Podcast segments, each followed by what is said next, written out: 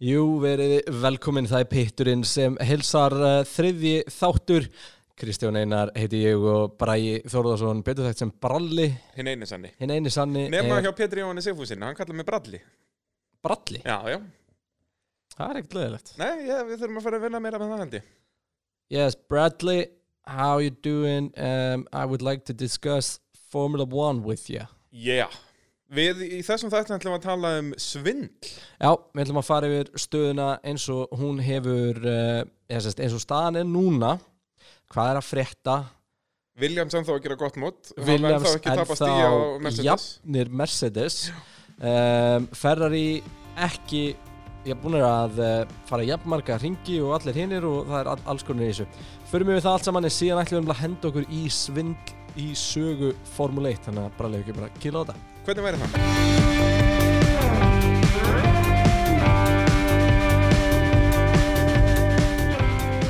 Já, það er uh, engin kapastur eins og allir vita, það er ekkert í bóði það er það leiðilegt að þið sitja upp með að hlusta á mig og braga að tala um þetta uh, bara svona til að hafa eitthvað að gera Þetta er ferlegt ástand, sko. Hvernig farið þið með okkur? Já, hvernig farið með hlustendur okkar, sérstaklega Já, við við tala nú ekki um það, sko.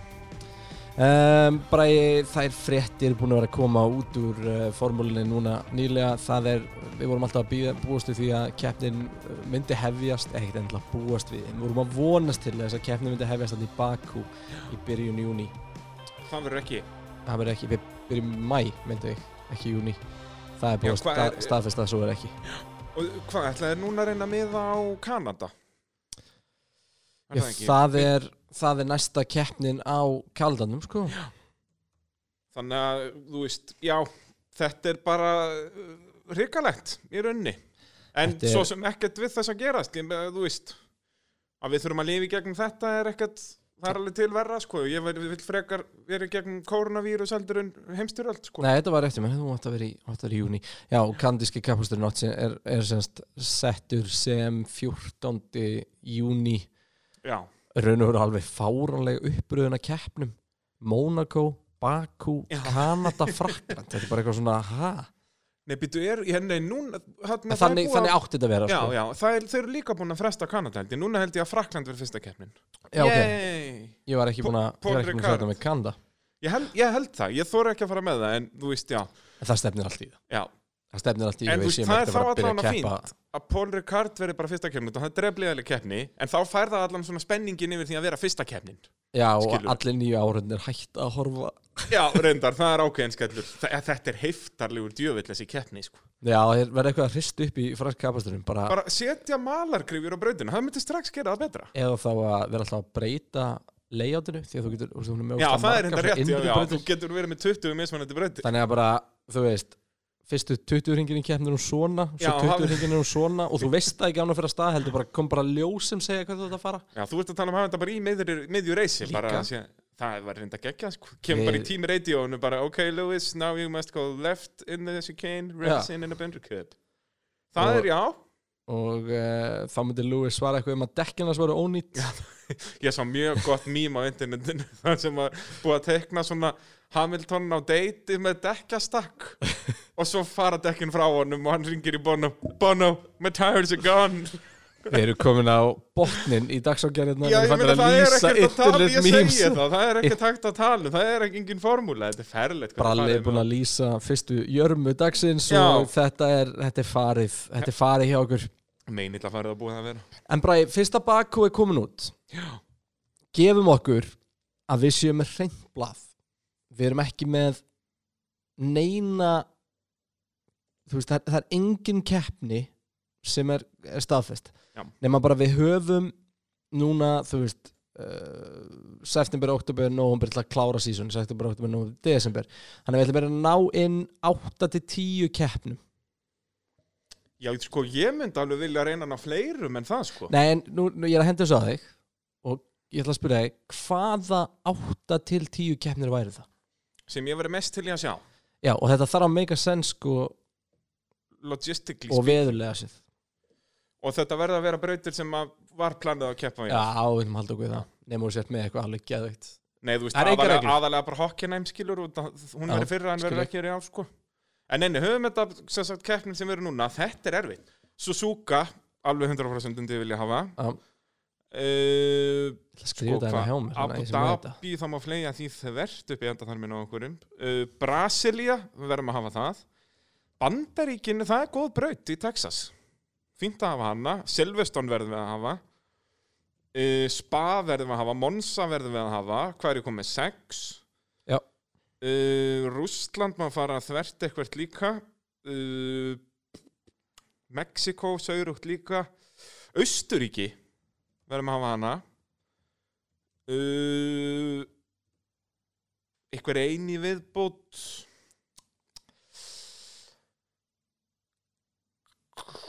Bara Ástralía.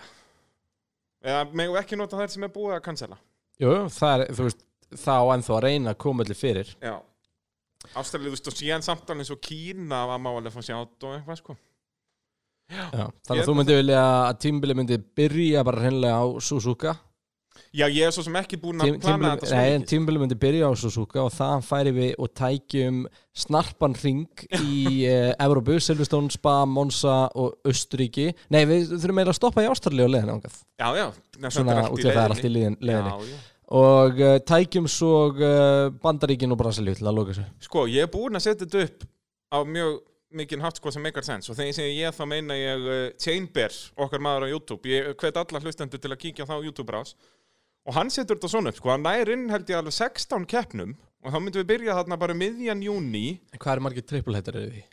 bara eitt trippulhetter Ok, þá byrjum við í miðjun júni á doppulhetter Fraklandi og Austuríki já, við ein- ætlum bara að sleppa Frakland og fá einhverja aðra.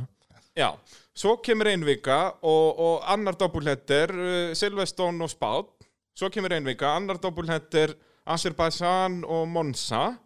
Ein vika, nei ekki Azerbaijan, já, nei hérna Holland og, og Azerbaijan. Já, uh, svo ein vika, Spa og Monza önnur vika og þá færum við okkur yfir í uh, hvað er þetta, Rústland og Bahrein sýnist mér, ég reyna bara að sjá flöggin sko, ég, þetta er ekki mín sterkasta hlið.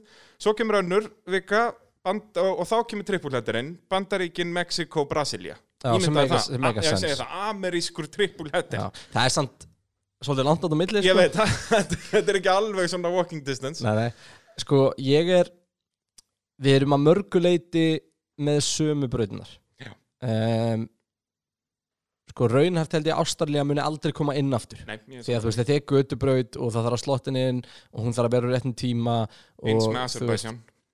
sko Azerbaijan er miklu nærði að vera innræðisríki. Já, þannig að það eru ótrúlegustu hlutir sem geta gerst þar ótrúlegustu hlutir. En uh, ég var í ég var í mjög til í halda Brasilíunni.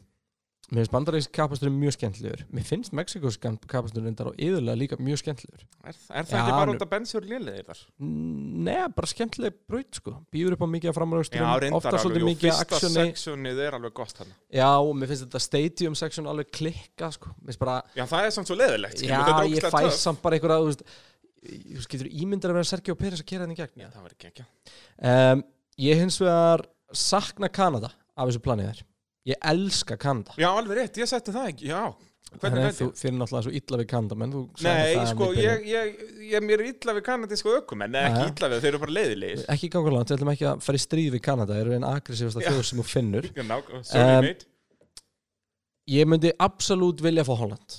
Og, ég, og þú veist, ég er með mín bræði, yfir því að við ættum að vera búnir að sjá Vietnam kapasturinn það er enda rétt.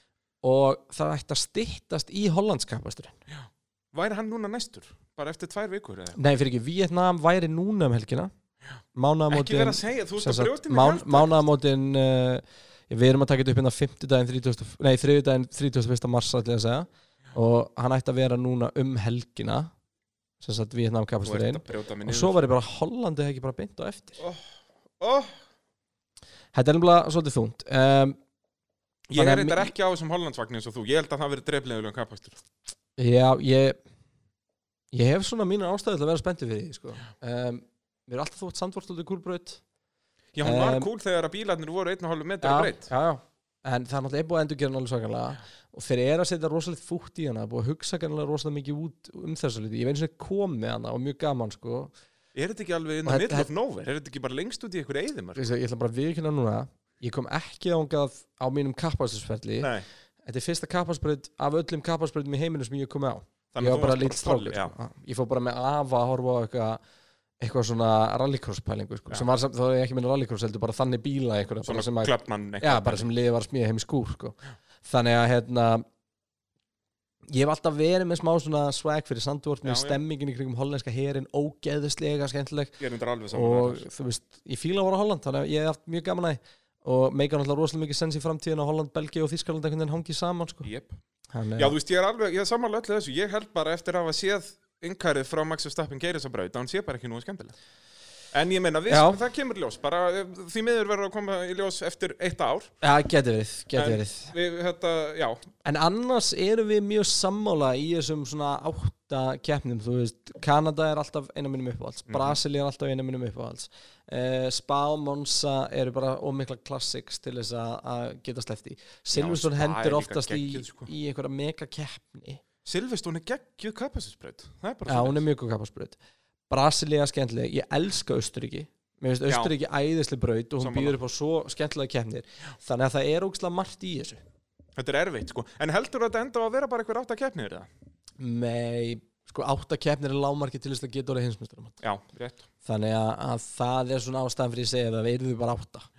Hvernig Eh, heldur þetta verði? Það eru nú einhverja mismunandi pælingar í gangi Sko, það er ein pæling sem er hreinlega að sísunnið uh, rönni bara alveg fram í februar 2021 og þegar verður bara lítið sem ekkert pre-season testing fyrir 21 sem er bara fín en það er að fara að nota sum bíluna Þeir eru að utan greið maklarina Þeir þurfa hérna ekki að segja greið sko, því að þetta opna tækifæri fyrir McLaren mögulega að gera einhver smá breytingar í leðinni sko. Já, út af því að við kannski tölum um þetta Já, aðeins á ég var eftir. með þetta og þetta var reynda bara þetta var reynda bara næsti Já, liður á dagskrá en, en þannig að það er einpælingin. Já. og þú veist við getum velt okkur fram og tilbaki og ég get lofaði því að akkurat núna uh, eru Sjón Tótt, Rossbrón og, og Case, uh, hérna, Case Hann hann að skekk maðurinn Vá, hvað það, Chase Carey. Chase Carey. að hérna að uh, ég prófa að færa alls konar post-it miða á einhverju kalendari. Jep, en í enda dagsins er þetta svo miklu starra heldur en bara fljúa einhverjum yfir á einhverja braut og láta á keira og veist, það vendur ekki að gleyma því kringum formúlun er ekki bara Lewis Hamilton og Toto Wolff sem að fara í einhverþóttinu sinni. Það er líka bara, þú veist, mörg þúsund starfsmenn sem að fljúa bara með Ryanair þú veist, og uh, já og það þarf að bóka öll hótelin í bænum Já, og veist, og er ég, ég minnst þar ágjör því sko. ég meira ágjör bara sko, þreytju starfsmanna þannig að þú veist ef að tímabilið á að fara að vera margir trippulhættarar þá þurfa liðin að vera með svona rótirandi mannskap og það er eitthvað sem þau eru ekki að gera nema einhver örfá og þau eru ekki að gera það með þú veist mekaníkan og engineerina það er þá verið að gera það með þú veist catering staffið og eitthvað þannig út þannig að þetta er drullu flókið sko. Þetta er það. Og eins og ég segi, kannski við ekki bestu mennirnir að fara að pæla eitthvað í hvernig þetta er. Við erum ekki með allar upplýsingar hér. Nei og uh, ég hef aldrei verið frægur fyrir það að plana til dæmis frægt Nei. þú veist, ekki það ég sé eitthvað ekki frægur fyrir það, ég bara er jú, jú, ég er ekki frægur fyrir það, ég er bara ekki látið að reyna Nei, nei. en þú veist, bara dæmi, bara fræktin í kringum þetta er náttúrulega klikkun og þú veist, og það vita ekkert allir en liðinu til dæmis með nokkuð sett af öllu nema bara kapáspilunum sko. Það er bara það... trailer að læra stað kannski, þrjá, þú sem hefur konni til, eftir þrjábyggur í Asibæsin en við erum ennþá að keppa í einhvers staðar annar staðar. Er þetta ekki, ekki öllið með þrend af öllu? Er Já, var ekki, var ekki þrennt á öllu, það, sko. Og, Og svo- það var að aukast nýlega, sko. Það var yfirleitt bara allir voru með tvö set, eða sérst eitt set. En, en það er sérst, þau eru með þre, þrjú sett af öllu svona on-site dótinu Þú veist, skúrana og Já, bara þú veist, þetta er ekkert skúra, þetta er bara Já, hallir sem er byggjað hana. Og, uh, en síðan er, er sagt, þær keppnir sem eru lengst í burtu þess að langt í burtu stand keppnir Já. þær skaff þetta. Þannig að þú veist, ef þú fer til ef þú fer til dæmis til já, þú ætlum svo Suzuka þar eru bara uh, svona það er bara svæði sem er bara með alls konar já, litlum einhverjum svona skú, hérna, húsum fyrir liðin og eitthvað álíka þannig að það, já, bara einu eitthvað þannig og, og ég efa ekki að sé einhverju fermetari Abu Dhabi sem hann nýta Jú, sennilega einn eða tveir hann. Sennilega. Færum okkur yfir til uh, McLaren. Jú. Þeir fengu núna í vikunni þessa undanþáu til þess að, að það semst eh, fyrir þá sem ekki vita þá er búið að fresta stóru reglubreitingunni fyrir 2021 og uh, það er búið að færa hana aftur um að minnstakosti eitt ár, komum inn á það aðeins, aðeins setna en uh, McLaren sagt voru búin að semja við Mercedes fyrir 2021 bílinn þeirra náttúrulega smíðar í dag utan við runumótor Jep. en uh, þessi breyting verður, til, verður þannig að, að þeir sagt fá að gera breytingar sem önnu lið fá ekki að gera. Allir er að nota sama bíl á næsta ári og eitt af því sem verður alveg læst eru grindin og girkassin og eitthvað álíka. En náttúrulega þeir þurfa að breyta sér til þess að koma Mercedes mótnum í. Þannig að þeir fá undan þá til þess að uh, láta þennan þessi skipti ganga eftir. Og þar nefnilega þá opnaðir tækifæra á herðu, nei, sko ef við þurfum hvað sem er að breyta þessu eigum við þá ekki að bæta þess aðeins við og segja, nei, herðu, þetta er bara út af mótornum, skilur Já. þannig að og eiga að gera það. Já, já, alveg pottið, þeir munu nýta sér öll, öll þau tækifæri sem þeir munu fá. Uh, en þetta er náttúrulega líka vesen, skiluru að kreista þessu Mercedes mótor í en, en það var nú ákveðið góð saga síðast þegar Mercedes mótor var tróðinn í bíl sem hann átti ekki heima í. Það er segja Já, þá var reyndar ekki Works Mercedes lið á grittinu búið að vinna uh, þú veist, sex ári röð sko en en samt. Að, Þannig erum við sjálfsög að tala um Brón 2009 það er legendary dæmi. Ó já. Um, þinn, stórvinu þinn Bralli, Kanadamaðurinn, Papastról Papastról. Ég reyndar hef ekkert á móti honum sko, ég, ég gerir bara hans í leðilegur En uh, hann er að verða stjórnaformaður Aston Martin sem Já. segir okkur það að þessi Aston Martin dill er ekki að falla saman eins og sögursagnir voru fannir að segja. Já, þú veist, hann var sennilega að falla saman og síðan kemur Papastról bara skvettir eitthvað Nei, Papastról var náttúrulega að fara að kaupa Aston Martin. Já, sko. já. Nei, þessi fjárfæstingahópur sem hann stendur fyrir. En hann En- skvetti nokkru millum á borðið og bara, heyrðu, gefið mig sætið Eða náða lækka verðið hans. Bara bing Og- það er bara geggjað Við fáum uh, British Racing Green 2021 Það getur verið. og ég er peppaður Peppaður. Vest með sko að British Racing Green verður sannlega með einhverju bleiku með sko BFT verður hann líka Það geti alveg virkað. Það gæti virkað sko Ég vona að við fáum eitthvað svona svipað eins og Jaguar lúki Jaguar lúki var geggjað sko. Oh. Við myndust ekkert á það í síðasta þætti eða Þegar við vorum að tala um töff kapastusbíla Við vorum ekki að tala um töffkapparspila. Nei, ok Ég er alveg til að taka sér Já, segment er það ekki um kúlkapparspila. Já, það er rétt Flotts delivery, en það er ömulegt útvarp. Það er miklu Já, betra er ákveð sko. Ég, ég gerði þetta í síðasta Já, þetta já. mótorvarpinu Já, já, setjast hún niður og uh, við ætlum að segja ykkur hvað þið eða að googla. Já, þetta Og- þurfti að vera, allir þurfti að vera með síman sko, við hendi og, og já Um, E-sports, rafíþróttir eru heldur betur uppleið núna í þessu betur. og það er verið að keppa á fullu og uh, já, sjokker, Landstról og Max Verstappen er langt bestið þar, enda yngstir og, og, Já, og mest í þessu. bara hafa verið að spila þetta síðan að voru sjö ára sko. Kimi Rækonen merkilega lélugur Landstról er að fara, þú- ert að fara að fá félaga bara. Er það svoleiðis? Hann tók veðmál og hann Það er verður, hann verður krúnaður núna, er krúnrakaður á næstu dögum. Ég er búinn að taka með sexpensanan Já, fyrir alla sem að sjá ekki í gegnum podcast. Já Það ég ætla að vera sköllóttuna sem eftir er þessa podcast. Þetta Þannig að, hann, hann verður sköldur Náða að safna hann einhverjum 2 miljonum á einu strími og ákveða Sko, mesti skellurinn er að mér þykir sko fólk sem er með fullkomin harfvöxt og krúnuraka sig, mér finnst það vera disrespectful við mig sko. Hann að safna þá að, þá að nýta það sem þú, ég mér er alveg sama. Mér langar að kýla inn í tennurnar fyrir þeim Já, líka út í þetta að þú mynd horfa á þetta að vaksa aftur í honum. Ég segi það, það ef þú ert með fullkomin Á- á harfvöxt áttu ekki að snóða þig. Á, er, á meðan hann fær að keira maklarinn Formule 1 bíl og fara um allan heiminn þetta er hann Af hverju erum við að tala um þetta? hvað er aftur gammal, þú veist, hann er bara batt sko hann, Viltu ekki, viltu ekki bara kúka framann í mig? Þetta er erfitt, þetta er er þetta? Um, Helmut Marko er einn áhugaverðu maður. Indislegur Hann er áhuga, já hann er, hann er, hann er góðu gæði Já, já, já, það er hann vildi senda alla sína ökumenn saman í COVID-partí og því Ég, COVID-partí sko- þá er ég meina svona hlaupabólupartí þar sem að eins og voru fræði hérna fyrir einhverjum árum þar sem að börnin voru látin leika heima hjá krakkarnir sem var með hlaupabólu svo þau fengið hann nú að snemma.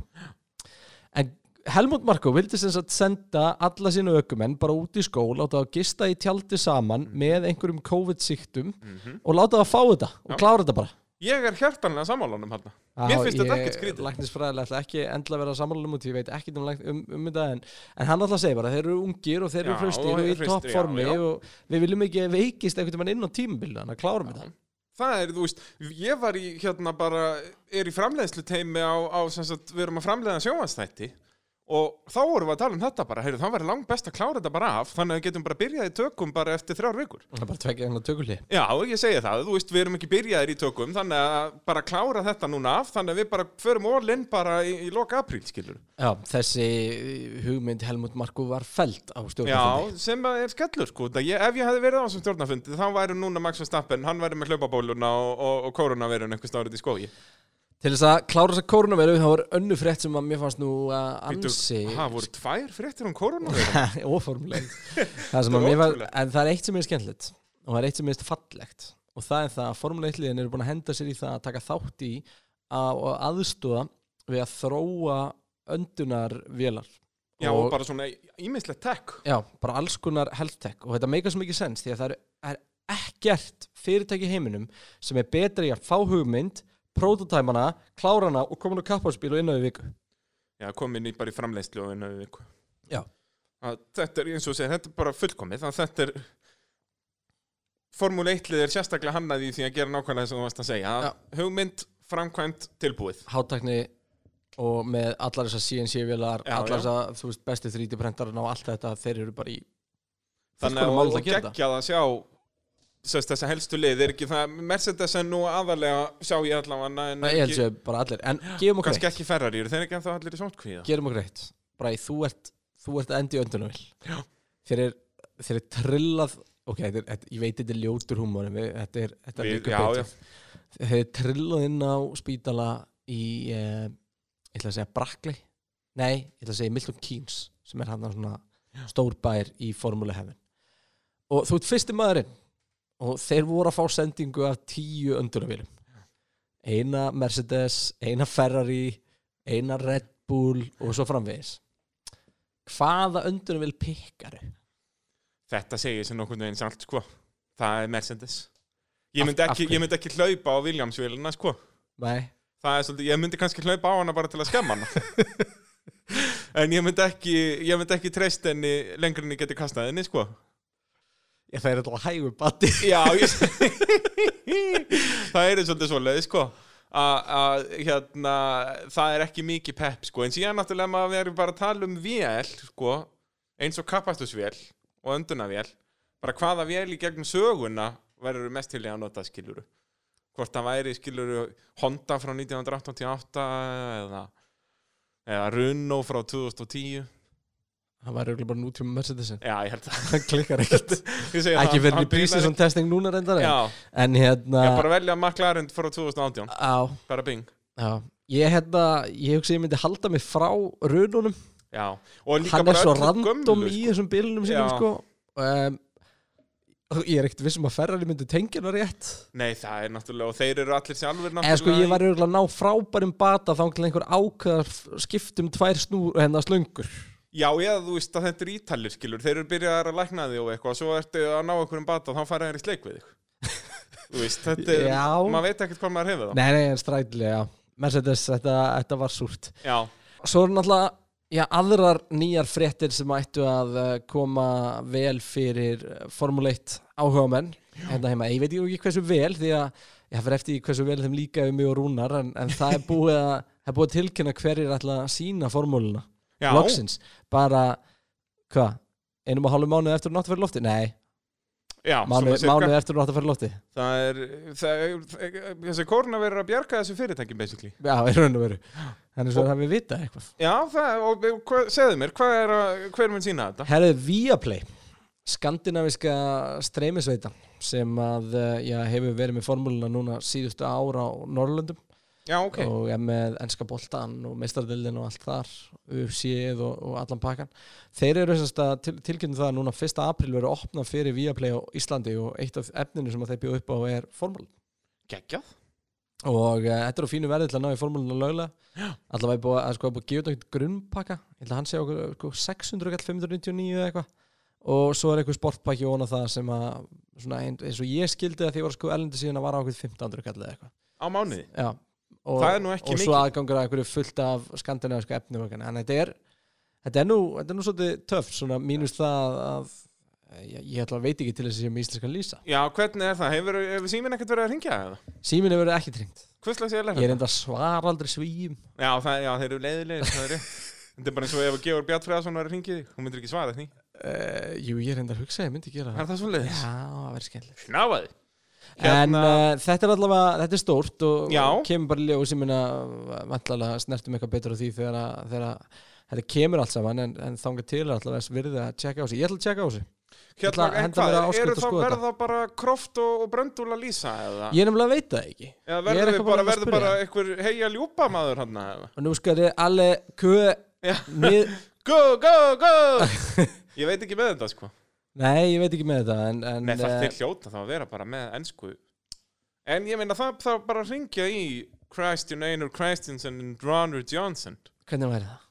Það er, við, við þurfum að plugga þessu. Ég er til Hérna, en já, þannig að Íslandingar muni allavega geta hort á formúluna. Þetta var náttúrulega allt í bara háa loft. Þetta þetta var skrítið Þetta var skrítið Það er óvænt að segja Og uh, ég hef verið frólægt að vita Annað uh, Annað nýtt í formúla heimi FIA eru bara með aðgerapakka fyrir formúluna til að halda þeim á lífi. Já, já. Og eitt af því er að Sjón Tott fær alvald til að taka ákvörunar uh, sem tengjast já, 2020 árinu sem að sem sagt, teljast nöðsynlegar Þannig að hann getur, hann getur tekið ákvörðinir hratt og einn á þess að fari fyrir alla Já, þannig að þetta er ekki alltaf hálfsmann að prósensa að vinsanast eitthvað, já. Það er þetta bara sniðut. og búið að vera alveg magnað að fylgjast með núna eh, hvernig liðin geta verið sko óvinnir í, í einum hlut en vinnir í næsta Já. og hérna Þetta bara svona minnir mig á Íslands motorsport í rauninni. Já, Hvernig veist, það er bara, þetta hefur allt minkað, Red sko. Bull er að, er að kæra DAS-kerfi hjá Mercedes þessa mínúti en svo fara er, bara næsti fundur er þeir eru sammála um hvernig á að gera hluti og mynda Já. eitthvað svona sameinleitt gegn þeim svo er, hérna, er þeir saman að kæra Ferrari og allt þetta dót, sko. þannig að ég fylgdi það en það allavega er hellingsbreyting og uh, það er búið að færa náttúrulega lokunna hún er bara, uh, þau þurfa að taka hana fyrir loka april þess að þryggja vegna lokun þannig að ágúst opnast í, í keppnir og uh, svona ímislegt í þessu um, Já, það er einu sumafríð er búið að færast uh, hérna bara fram í apríl í rauninni, þannig að já, það er eftir að smekkfylla ágúst á keppnum. Já. Sem eru góðar hæðir. Já, ég, ég kvart ekki við því en ég veit ekki hvernig eh, það fer í, í, í starfsfólk um, Svo komu stórar fréttir í dag og það er það að uh, já, Kristján Horner í viðtali gaf til kynna að nýjurreglunar er ekki 22 þeir eru 23 Það eru hérna einhverja pælingar með það. Að, sérst, Kristján Horner, stjóri Red Bull, svona var að hinta að þessu basically, að, að hérna, gætum beðið í eitt ár viðbúst. Er það þá fýja sem er að vesenast eða þú veist, hvað er í gangi þarna? Ég held að séu liðin sem að hafa ákvörunarvaldi hérna þeir náttúrulega þú sér það sko veist, einu alvöru tekjur Formule 1 liða eru Formule 1 keppnir Mhm. obviously og uh, þær tekjur eru ekki á rúlegin þeir eru hluti eigendur í öllum tekjum sem koma inn og annað Mhm. slíkt þannig að uh, þetta er held ég bara að hugsa með sér þú veist við förum bara í bullandi mínus svo bara rönnum við lín í tvö ár Já. og vinnum peningi tilbaka og förum svo af stað og ég meina þetta, þú veist, uh, það verður að tala um náttúrulega kostkappi færist með nýju reglunum þannig að það verður mjög áhugvært að fylgjast með en liðið munu hafa minna á milli handana hvort þið er til þess að henda í þróun á annars ári. Já, þetta, er mér finnst þetta líka alveg vera út að þetta er heimsfarandur, veist, þetta kemur jæmt yfir alla, sko. Veist, þannig að finnst að menn með ekkert, jú, þeir munu þá, það munu bara allir hafa minni pening til að þróa nýju bílina og minni tíma, skilur, en það verður mismengil peningur. Já, já, en það hafði Og- hvað sem er sko, alltaf verið en það sem við þurfum alltaf að horfa á er að, að sko, það er eitt að þetta sé högg fyrir lið eins og, eins og Williams eða, eða álíka.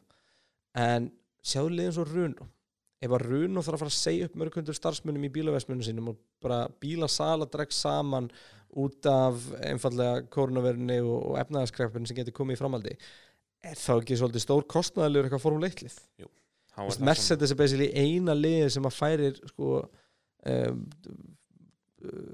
sem sagt færi rök fyrir því að- færir, færir sínu fyrirtæki sínum eigendum sem eru þá dæmilegur Mercedes í þessu tilfelli tekur sko. Alltaf erum mjög nálægt núlinu þannig að hérna að þetta er svona þetta er svolítið þetta er flókið sko. Já, það er náttúrulega á eftir að koma kreppa eftir þessu koronaviru, ég meina það þarf einhvern snilling til að sjá það. það er ekki, ekki ólíklegt Já, og þá, eins og segir, það meikar nú alveg meiri sens að hafa fólk í, í vestmiðun að smíða klíó að frekar en að smíða Formule 1 bíla, sko. Já, ég er ekkert endilega samlega því. Nei, reyndar ekki, þetta er eitthvað að bjánulegsta sem ég hef sagt bara efer Þetta er, þetta er mjög úr takt við, við bara Já, þetta er ferlegt. Ég, ég dreg þessa yfirlýsingu tilbaka. Já, við tökum okkur örstutt podcastlí og ég get sagt það þetta verður svo stutt hlý að að halvvarinn og komast tilbaka með, með uh, já, svindl í sögu formule Já, þetta var uh, örstutt eins og ég lofaði. Við bræði náðum alveg að standa upp og setjast aftur niður. Ég, Þetta er yndislegt sko. Um, Bræði, Jú, ég með, var með á lista hérna. Svindl í sögu formule 1 já sko þannig erum við að tala um sko Svindl einmitt Tvo mismunandi hluti sko, við erum að tala um bara svindl þegar fólk svindlar. Já, Og svo erum við að tala um þessi skemmtilegu svindl sem að fólk er bara að túlka reglunar eins og það vil túlka þær og kemst upp með það. Allavega í eitt ár þangað til hluturinn er bannaður. Eins og þegar Fettir fór fram úr á baku öryggisbíl inn á þjónusvæðinu, mannstu því? Nei. Brunaði fram úr, þetta var í Býtu, er ég ekki með eitthvað svona tussulegt sem ég veit ekki, er, er, er, þetta bæta við Hann tussulistan fór hjá bara fram úr fjórum bílum eða eitthvað, ég var bara búin að lesa reglunar Já, það er þetta enda, var. frægur fyrir þetta líka, sko. Að kunna reglunar í veist, sem hann var að keppi í. Öryggisbílinn, brautin var undir öryggisbíl. Það stóð hvergi að pitlinni var undir öryggisbíl. Þannig að, gerði sko, Hann gerði þetta áður en hann kom 99 inn í inn, veist, bara aðurinn að ekki, Schumacher gerði þetta, var það 99 á Silveston þegar hann semst, kláraði keppnina inn í pit.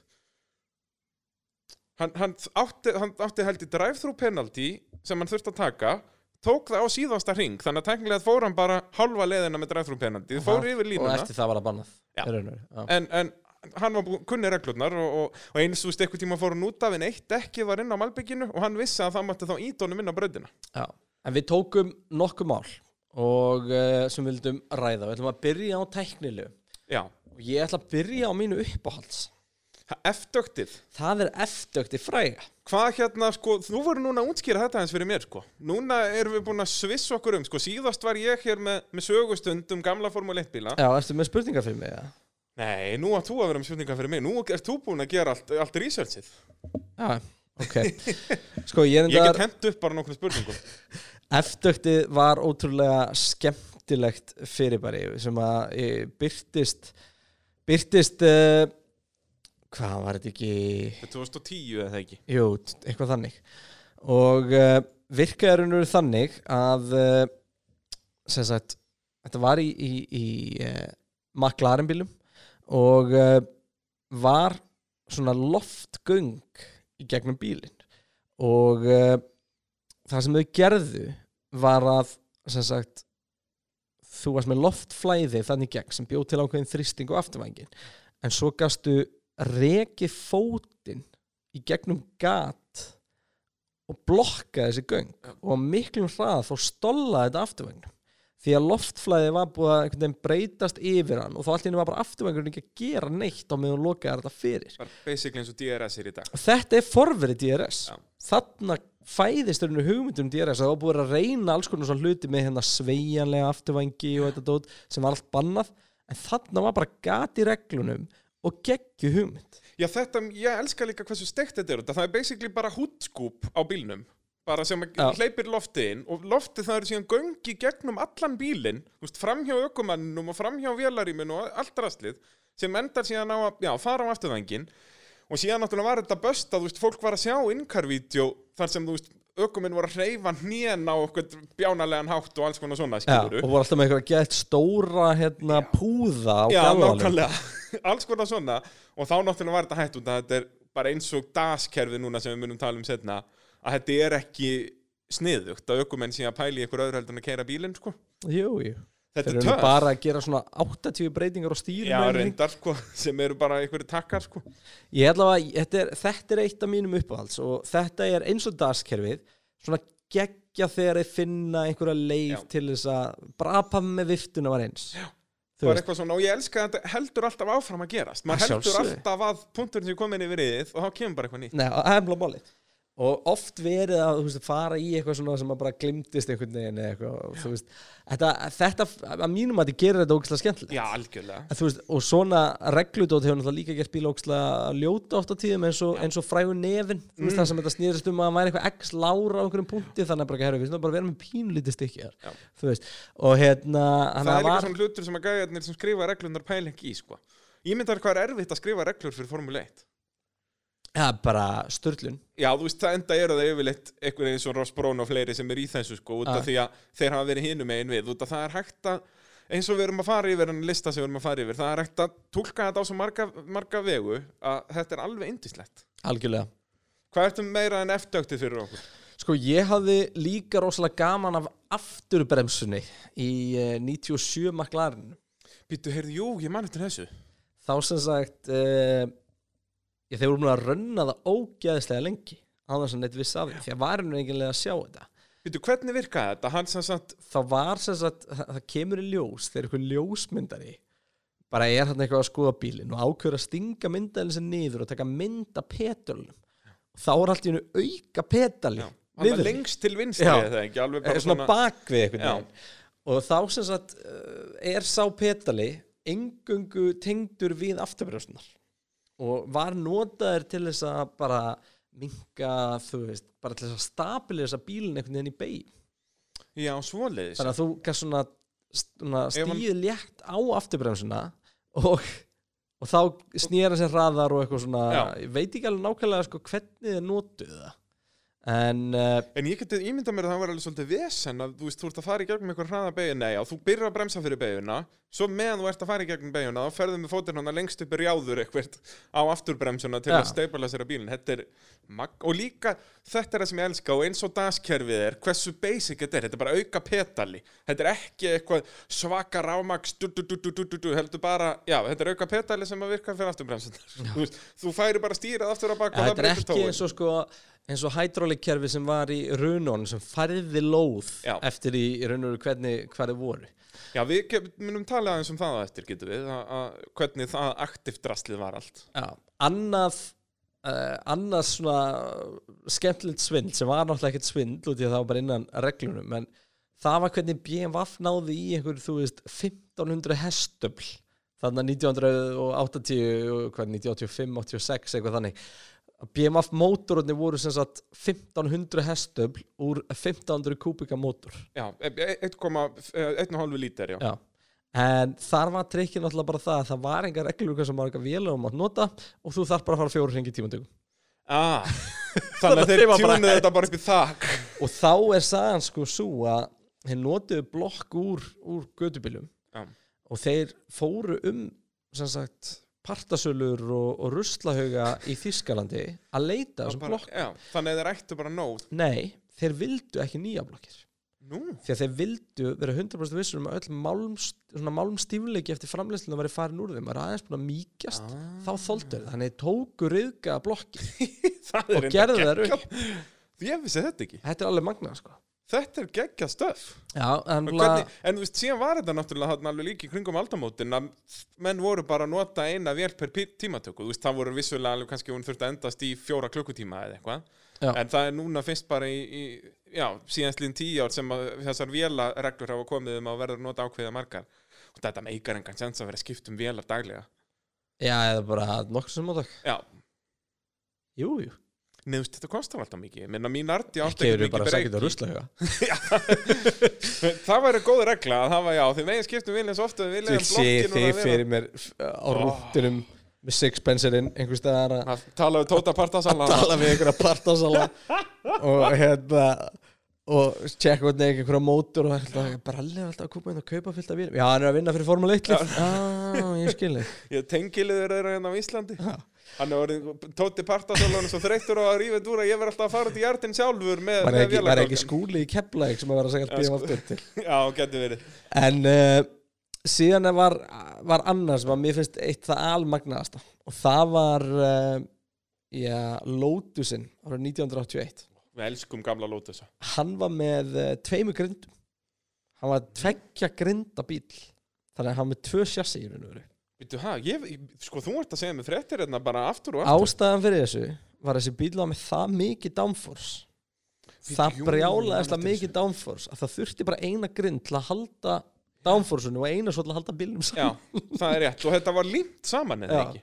Bara með andjóks bara crazy glue eða þess að bara, já, þetta var ekki soðið neitt af hann er þetta byrjað að vera allt eitthvað plast og, og viðbjóður og þarna held ég sérst, já, að bodyið eða sérst, efri grindin er bara límt ofan á undirvagnin. Og Þetta er þetta allt hugsað til að búa til sko ground effektið Já, þannig eru menn á kafi í því, sko. Þannig að Þetta er þetta er heiftarlega ljótur bíl, ég er að sjá mynda á honum hérna. Já. Þetta er ekki fallegt á að horfa. En síðan náttúrulega var það svolítið magna líka árið 94 þegar Benetton Já. Eh, kom með uh, spólvörð Já, maður, sko, ég man eftir þessu, þessu, ég er búin að horfa að review af þessu sísonu og þetta náttúrulega var, já, breytti leiknum algjörlega í rauninni. sko Benetton liðið sem verður síðan runulið var alltaf ógislega framalega í þessu og það er mér einhvern veginn ennþá rosalega ferst í minni þegar að þetta var bara leift sem sagt spólvarnir og annars líkt hvað runulinn var alltaf ógeðislega fljótur í startinu Já, maður man eftir þessu bara fór Fernando Alonso dögun, Já, sko. Bara hann gulli og blái Já. runulinn gormaðist bara úr sjötta sæti upp í annað fyrir fyrstu beig Og bara alltaf. Alltaf. Já. það klikkaði aldrei Ég, maður man nefnilega eftir þessu og þeir, já, þú veist, Benetton voru jafn góðir í að hanna, traction controller voru í að hanna skó, sko. Þeir eru ól segir. voru ól segir. Flavio Briatore, hann kann að selja skó og hann getur líka stýrt Formule 1 liði. er ég að gleyma einhverjum skemmtilegum svona svindlum teknisvindlum Sko, við náttúrulega töluðum aðeins um fanbílinn í síðasta þetti Já. Þannig að kannski, en það er svona frægasta myndi ég að segja sko, var ekki svindl samt Var ekki svindl, sko, en náttúrulega e- þessu var, hel, var heldur ekkert svindl. Eða þú veist, þetta var bara bannað ári Já, auka bremsa var svindl. Já, reyndar. Og um, uh, já, Eitthvað, já. En náttúrulega eins og bara fyrsti Ground Effect bílinn, það var líka geggjuð saga, skilur Þeir koma fyrst með sem sagt sílsa sem ná alla niður, niður á brautina. Þeir voru bara snerta brautina og voru sem sagt svona fjadrandi þannig sem að gátu ef það var bömp í brautinu að þá fóru sílsatnir upp og niður eða skörtin sem þetta var kallað og það var bara til að halda loftin undir bílnum. Þannig að allur bílinn var bara í læginu eins og eitt stór vengur og þú veist, fólk áttaði þessi tildurlega fljóta á þessu, ekki alveg strax að, þetta var það sem hann var að reyna að gera Colin Chapman, legendið í, í Formule 1 á þessum tíma. Að hann var að reyna að búa ground effect sko. fyrst kom með eitthvað alls konar legasögur um að neina, þetta er alls ekkert út af því da, da, da, en svo var þetta bannað en það, þú veist, ground effect var í formúlinu alveg í þó nokkur áhrifn á þessum tíma sko. Já, og eins og segi Colin Chapman, aðalmaðurinn þarf að koma að þessu. Já, þetta er svona síðasta stóra byltingin hjá Colin Chapman. Hann var, þú veist, þetta er svona, já, punkturinn yfir yfir hjá honum, hann var náttúrulega aðalega árin fyrir þetta að hann að gegja á Formule 1 bíla. Já, ég held að við séum búin að fara svona létt í gegnum þetta. Mér langar næst uh, bara eitthvað að fara í gegnum sko ökumannssvindl eða bara svona Já. alvöru svindl á brautinni. Og uh, já, svindl og ekki svindl þá er eitt legend sem kemur þar alltaf fyrst í huga. bara, þetta er forveri tussunar sem er eh, Sebastian Vettel og það er eh, Michael Schumacher. Ég ætla ekki að fara svo langt að kalla hann tuss. Nei, nei, en, En hann, hann hann var var svo vangifin í að vinna Já, að hann gerði hvað sem er. Hann var með keppniskap eða er með keppniskap, Það er ógslag gaman núna hérna, motorsport.com voru að gefa út einhverja heimildamynd um, Já, Heroes. Já, og þeir eru að mynd. sína þarna Makká þegar hakkinin keirir aftan á Schumacher þú veist, í Makká í Formule 3 áður en er eins og í Formule 1 og þetta er strax byrjað sko Jep. og Schumacher bara, já ég meina hann bara kom eitthvað hraðar en þú veist, ég Þannig vona ég beygði og bara fyrir ég hann. og veist, svo bara var hann að það en ég vann það er andjóks bara, ég hvet allir til að horfa á hans heimildin þetta er geggja, það er sérst búin að horfa á hana? Nei, ég er ekki búin að horfa á hann alla en ég er búin að horfa á alla trailer og búin að horfa á svona fyrstu 20 mínútur Já, ég er nefnilega Give me eftir, a að- break. eftir að hendum, hendum henni í hana En þetta er geggja, þá er þetta, þetta er ekki svona heimildamind með þessu vennilega formati, heldur sitja bara við borð. Bara legend. Já, Felipe Massa, Mika Häkkinen, Michel Mouton og hann uh, 24 hourle mannskæn Kristensen. Þeir sitja bara fjögur, þau eru að taka viðtal við hvort annað og segja bara legendir í sögur, þetta er algjör snilt sko. Þetta er skemmtilegt format. En uh, náttúrulega, þetta byrjaði allt þegar Mikael Schumacher keirir á Damon Hill einmitt, 94 94, það er rétt. Uh, og hann verður mestar út af þessu. Ég var hann ekki Nei, það var ekki þá sem hann sem hann var, hvað dæmdur og kepp nei, þeir detta báður út Já, já, þetta, þetta er bara svona eins og senna prost dæmið, skilur. Hann bara keirir hann út út að hann vissi að þetta, þetta báður út að þá er hann í toppmálum. Já. Sama staða kom upp árið 1997. Já. Þá var það Villeneuve sem var á, á Williamsinum. en þá bara sá villinu við honum Já. Og Og, ég elska kommenterið frá, frá, er það ekki Martin Bröndal sem byrjaði að komment? nei, þetta, er, þetta er gamli Er þetta hann Ólsegi? Nei. Ég er vissu það ég held að þetta er að skella inn klippu af þessu hér Já, við skulum hlusta á þetta. Villeneuve is all over him. Look, he's going through. Oh yes. I don't think Out goes Michael that Schumacher. didn't work. That didn't work, Michael. You hit the wrong part of him, my friend. I don't think that will cause Villeneuve a problem. Já, þetta var, þetta var rétt hjá okkur báðum Þetta var náttúrulega Murray Walker sem var nafni sem ég var að reyna að muna Já. En svo er ungur Martin Bröndul á það með hann Hann er nýbyrjaður hérna. You hit the wrong part of it, my friend. Ég elska þetta, sko. Út af því að Martin kollar hann út strax, sko. Hann veit nákvæmlega hvað er að gerast. Ah, hann, hann, hann þekkir þetta Já, og, og þarna var sem sagt uh, Michael Schumacher klárar þetta tíðinböl með 0 stig Já, hann bara dæmdur út. Já, skiljanlega, þú veist, þetta er svo augljóst að, og líka bara ímyndaður ef að eitthvað hans slansast þarna skilur, hann er bara að reyna að klessa á kempandan að, þú veist, auðvita og, og, já, já, Schumacher þekktu fyrir þetta, gerði þetta í Monaco 2006 líka í tímatökum stoppaði hann bara miðri beigju Síðan var uh, ansi, já, það var nákvæmálið Það Já. var ansi magna líka En Og þá var hann, þá var hann dæmdur út.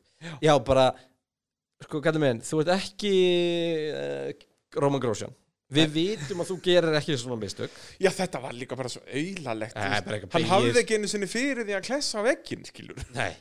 Hann bara stoppaði í akstuslínu í raskas Bara, já, já, þetta er bara djúðasvesin, ég náði ekki að beigja þetta er þetta er, þetta er svolítið Þetta er svolítið magnadæmi Já, og þannig er hann í hörkvislegum titil við, við Fernando Alonso og Alonso er á eftir honum hann í brautinu og hann vissi þegar ég á gullt flagg hann verður ekki betri, betri tíma en ég í tímatökum og í Monaco náttúrulega skipti tímatökun öllu máli Þú veist, Nico Rosberg gerði þetta snildarlega í Monaco og þú veist, út að ég er Hamilton maður þá held ég að Rosberg hafi verið að svindla hvað finnst þér um það?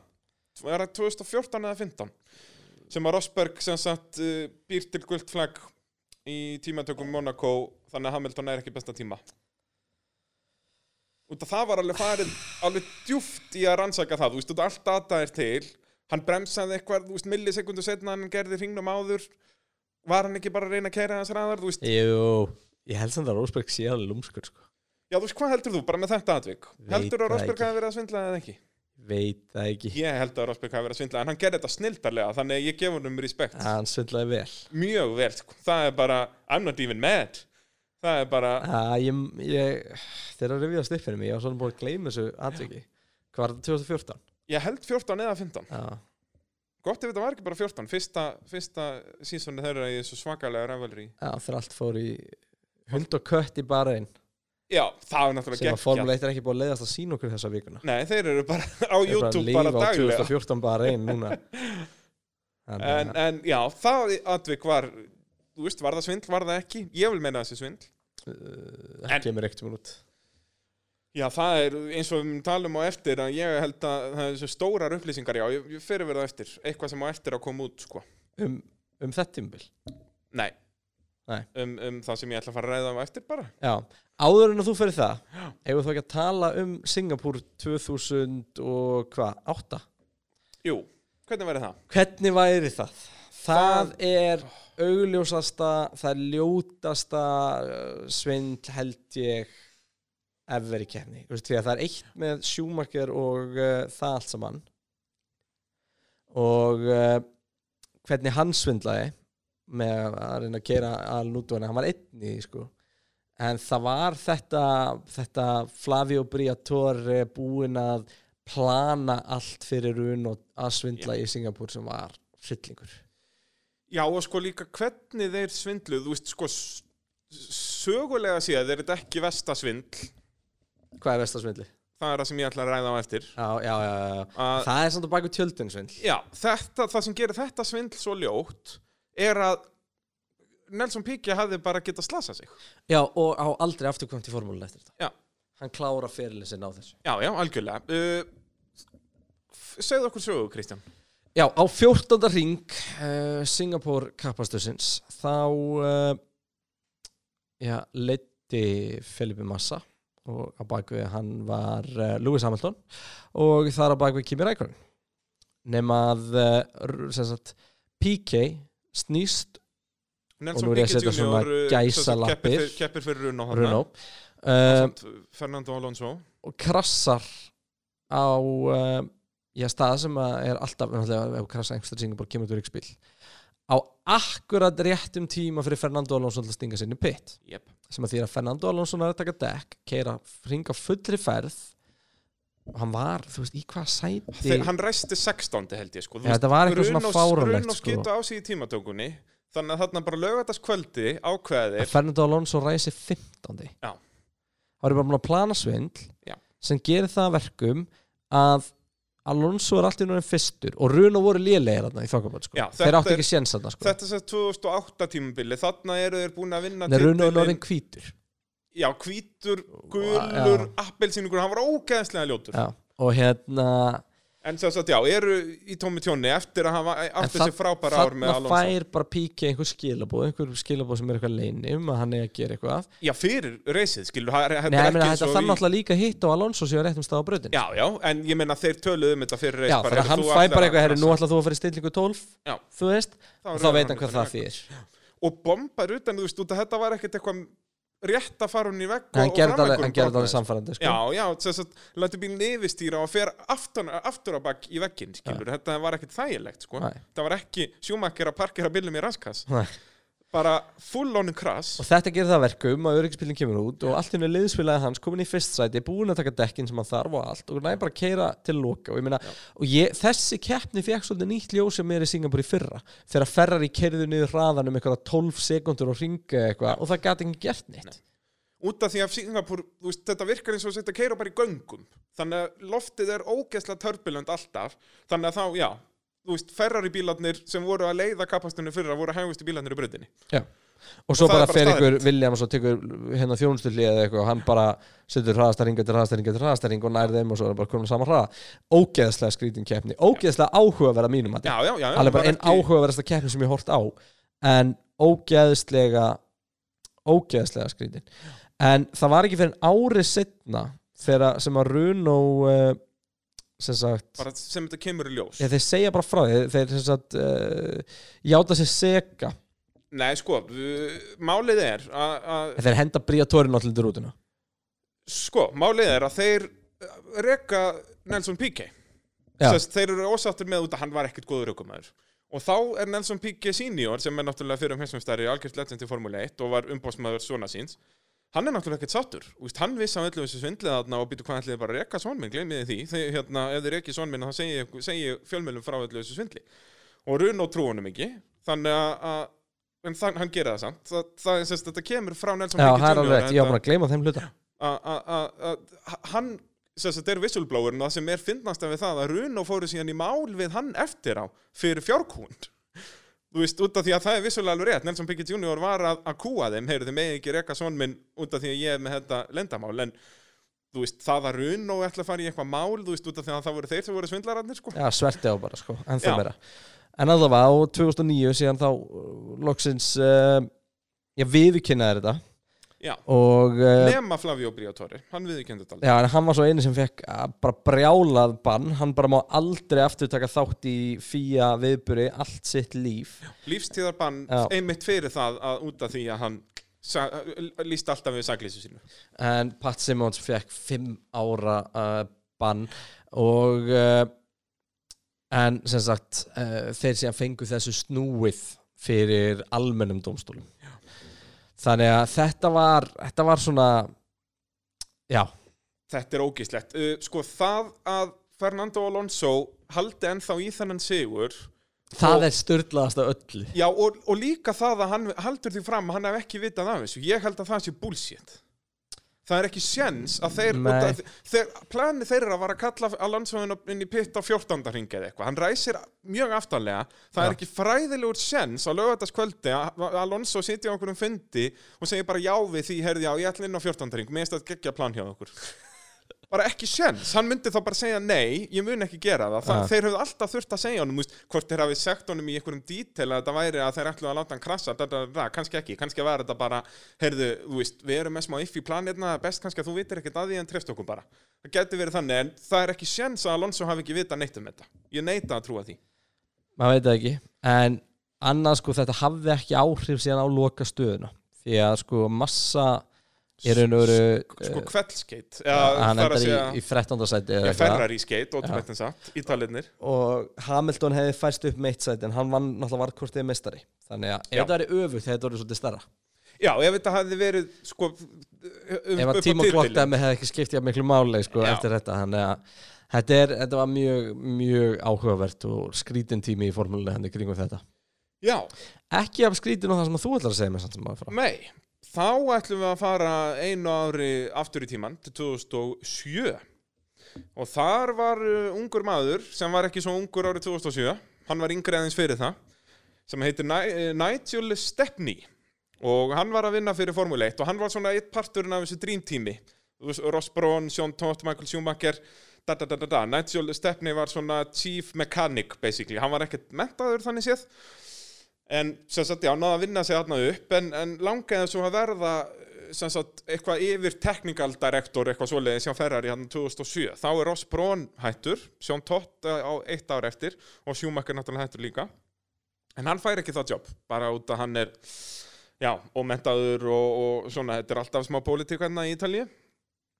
Þannig að hann er ekkert mjög sattur, skiljanlega okkar maður Nigel Stepney og segir það ofinberlega í autosportviðtali að, honum langar eiginlega bara að fara frá Ferrari og, og eða þá ef hann fær eitthvað svona promotion langar hann að vera ennþá í Ferrari hann, hann er ekki sattur með þetta jobb og, og hérna já, og bara tala Ferrari svolítið niður sem er náttúrulega ekki mjög vel liðið þarna í Ítalíu en hann var samt ekki í rekin en hann var sett upp en ennþá verri stöðu, þú veist, fekk eiginlega ekkert að ferðast með liðinu og svona, já, var svolítið í skýtnum hann bara og langaði raun ekkert að vera þarna lengur.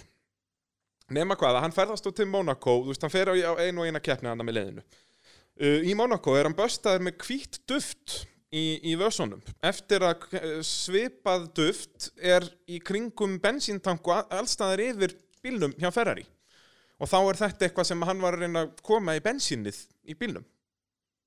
Eitthvað svoleiðis. Þú veist, við vitum ekki nákvæmlega hvað, hvað var í gangi þarna en hann var eitthvað að, lefa sér maðurinn þarna. Og, og hérna er rekinn frá Ferrari ótrúlega satt eftir hérna doms, domsmál og alls konar vesen. Og það er ekki fyrir í júli sem hann er loksins rekinn hann frá, frá Ferrari og, og þegar uppkomum þetta allt saman. Og eins og ég segi, það fór fyrir domsmála og allt. En síðan koma Ferrari með það statement að, þeir halda að einhver meðlumur í Vodafone McLaren Mercedes liðinu sé eitthvað innvolvaður í þessu líka, þeir veit ekki nákvæmlega hvað er í gangi. Uh, en Autosport tímaritið, þeir fara að kafa dýbra í þetta og komast að því að Mike Coughlin sem var bara chief designer hjá McLaren á þessum tíma að hann og Stepney hafa verið eitthvað að tala saman sko. Og, og svona já, það, það- bendir allt til þess en það er engin sönnugögg til um þetta á, á þessum tíma. Fyrir en að já, ungur maður sendir já, aðal manninum í Ferrari, ég mann nú ekki hvað hann heitir basically svona eins og Binotto er í dag bara liðstjóri Ferrari sendir honum e-mail hérna, og segist að vera að vinna í svona copy shop svona, Ljó, ljósveituna fyrirtæki já, ljósiritunar bara þar sem þú getur farið Já, ljósirita Já, og, og segir að hérna það hafi komið hérna kona með 780 blaðsíður af Ferrari-gögnum og vilja láta ljósirita það. Og ég googlaði nafnið á hennu og komst að því að þetta er konan hans Mike Coughlin sem að vinnur hérna í McLaren. Ég er hérna stað, staðsettur í Surrey fylki og McLaren er hérna í næsta húsi og mér finnst þetta svolítið skrítið. Hérna getur verið að þeir sé eitthvað að svindla. Og þannig sem komst upp með þetta, þessi starfsmæður sem var mikill Ferrari maður og þú veist, ef hann hef- hefði verið McLaren maður að þá náttúrulega hefði þetta aldrei gest. En út að hann hjálp með Ferrari, að þá sendir hann bara e-mail á stjóra Ferrari um að, heyrðu, það er sennilega eitthvað svindl í gangi. Þannig að ef að bara McLaren hefði keift sér ljósirituna vel og bara netta ljósirita þetta sjálfur, Það er aldrei komist upp. Þá hafði þetta aldrei komist upp. Út af því að það, á þessum tíma voru þessu sönnumgagn ekki til, en þetta hafði alltaf komist upp út af síðan löngu setna eða einhverju mánuðum sinna þá kemur í ljós alls konar SMS og e-mail og símtöl bæði náttúrulega milli Stepney og Coughlin og líka milli Stepney, Coughlin og ökumanna McLaren. Og þá kemur við aftur okkar nafn upp Fernando Alonso að þeir vissu þetta allt. Og ég ætla að lesa hérna e-mail sem að Pedro de la Rosa sem var þróunarökum að McLaren sendir á sem sagt Alonso og, og einhvern annan inn að liðinu, ekki Hamilton. Hamilton átti eitthvað svona message hann er hann náttúrulega bara úlingur.